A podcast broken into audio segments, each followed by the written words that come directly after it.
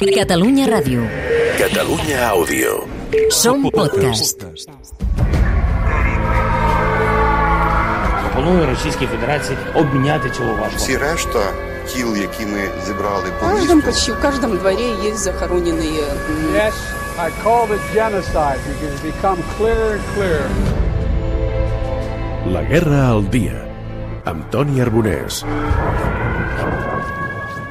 Dijous 9 de juny.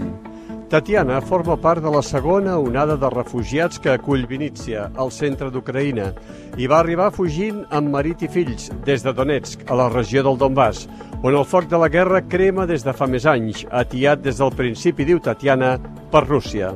En un lloc hi havia txetxens, en un altre adeptes dels russos. Tots ho van veure malgrat que Rússia deia que no hi era. Els txetxens eren els llocs del control a la regió de Lugans. Com és possible dir que no hi eren?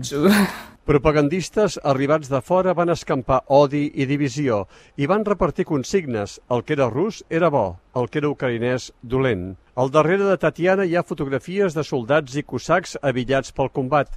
És a la biblioteca de Vinícia. A les prestatgeries s'hi exposen llibres que mostren escenes de mort, destrucció i de patiment, dates gravades en la memòria dels homes, 1941, 1944, la Segona Guerra Mundial, històries d'odi de país a país, de poble a poble, de casa a casa, que ningú es pensava que es poguessin repetir ara. Tampoc és Batlana, infermera de 67 anys d'edat. Батько в мене русський, мама українка. El meu pare és rus, la meva mare ucraïnesa. És molt dur. La meitat dels meus parents són allà. I jo ja no els considero els meus parents. Aquest país l'he tatxat de la meva vida. Esbatlana és Dohtirka, a la regió de Sumi. Com que el poble només és a 40 quilòmetres de la frontera amb Rússia, els invasors hi van arribar el primer dia de combats. El seu fill la va trucar a quarts de 5 de la matinada i li va dir «Mare, ha començat. Ja Vaig aguantar fins al 14 de març, era impossible quedar-se allà. A 50 metres d'on vivíem, les bombes van destruir set cases, l'una al costat de l'altra. Me'n vaig anar amb el que portava posat. Així és com arriben a Vinícius la majoria de persones forçades a fugir de casa, amb el que porten posat I res més. És tot el que els queda de la vida anterior de la que els han arrencat d'una revolada. Oksana ha arribat a Vinícia amb els seus tres fills.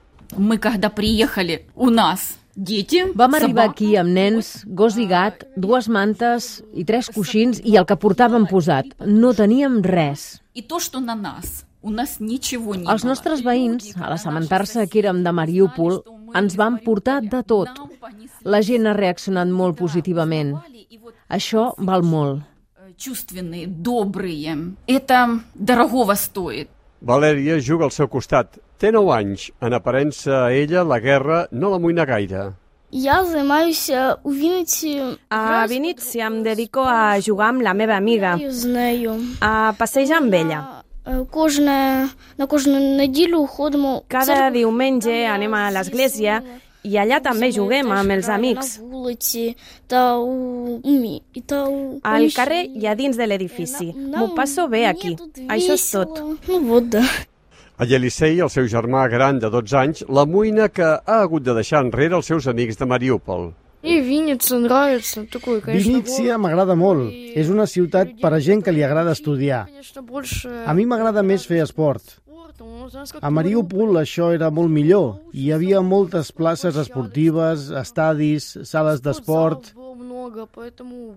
La majoria dels meus amics són fora del país o s'han quedat a Mariúpol. Aquí no hi tinc amics i m'avorreixo molt. Поэтому мне скучно очень. Però la guerra havia convertit Mariúpol en un lloc espectral del qual calia sortir-ne quan abans millor. Era difícil entendre el que passava. Мы этого не знаем. Для чего им No нужна sabem наша per què els cal la nostra terra.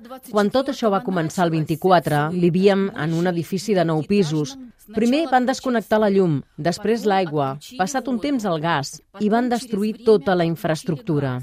Уже все это, инфраструктура, это уже была разрушена. Mariúpol ja no era una ciutat. La gent s'hi movia com ombres en pena. Per sobreviure s'havien de jugar la vida cada dia a la ruleta russa. Когда находились в Мариуполе, Quan estàvem a Mariúpol, cuinàvem en una foguera. Sota els bombardejos anàvem a buscar aigua a una font. Moltes persones van morir al costat de les fonts.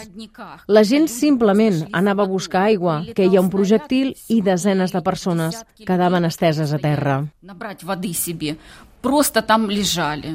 Fins l'últim moment hi havia la sensació entre la gent que russos i ucraïnesos es posarien d'acord. Vivim en un món modern, diu Oksana. la diplomàcia funciona. Mai van pensar que es pogués arribar a destruir tota la ciutat. En canvi, Tatiana sabia que era possible. A ella la guerra ja l'havia colpejat. El 2014 va haver de fugir de Lugansk. Ara, el 2022, ho ha hagut de fer de Donetsk, amb dues regions al Donbass, amb marit, fills i maletes. La guerra per mi va començar el 2014. Vivíem a Lugansk, vam recollir-ho tot, fills, i els vam traslladar a Druzhivka, que ja l'havien alliberada. Així és com els russos diuen que ens alliberen de la nostra vida. I després tornes a fugir. Ara som a Vinítzia i no sabem què passarà demà. Mentre parla, li tremola la veu i les mans, fins que l'emoció li nega els ulls i li ofega la paraula. Ningú resisteix que el facin fora de casa dues vegades a canonades. La Guerra al dia és un podcast dels enviats especials de Catalunya Ràdio a la Guerra d'Ucraïna, Toni Arbonès i José Antonio Muñoz. Catalunya Ràdio. Catalunya Àudio. Som podcast.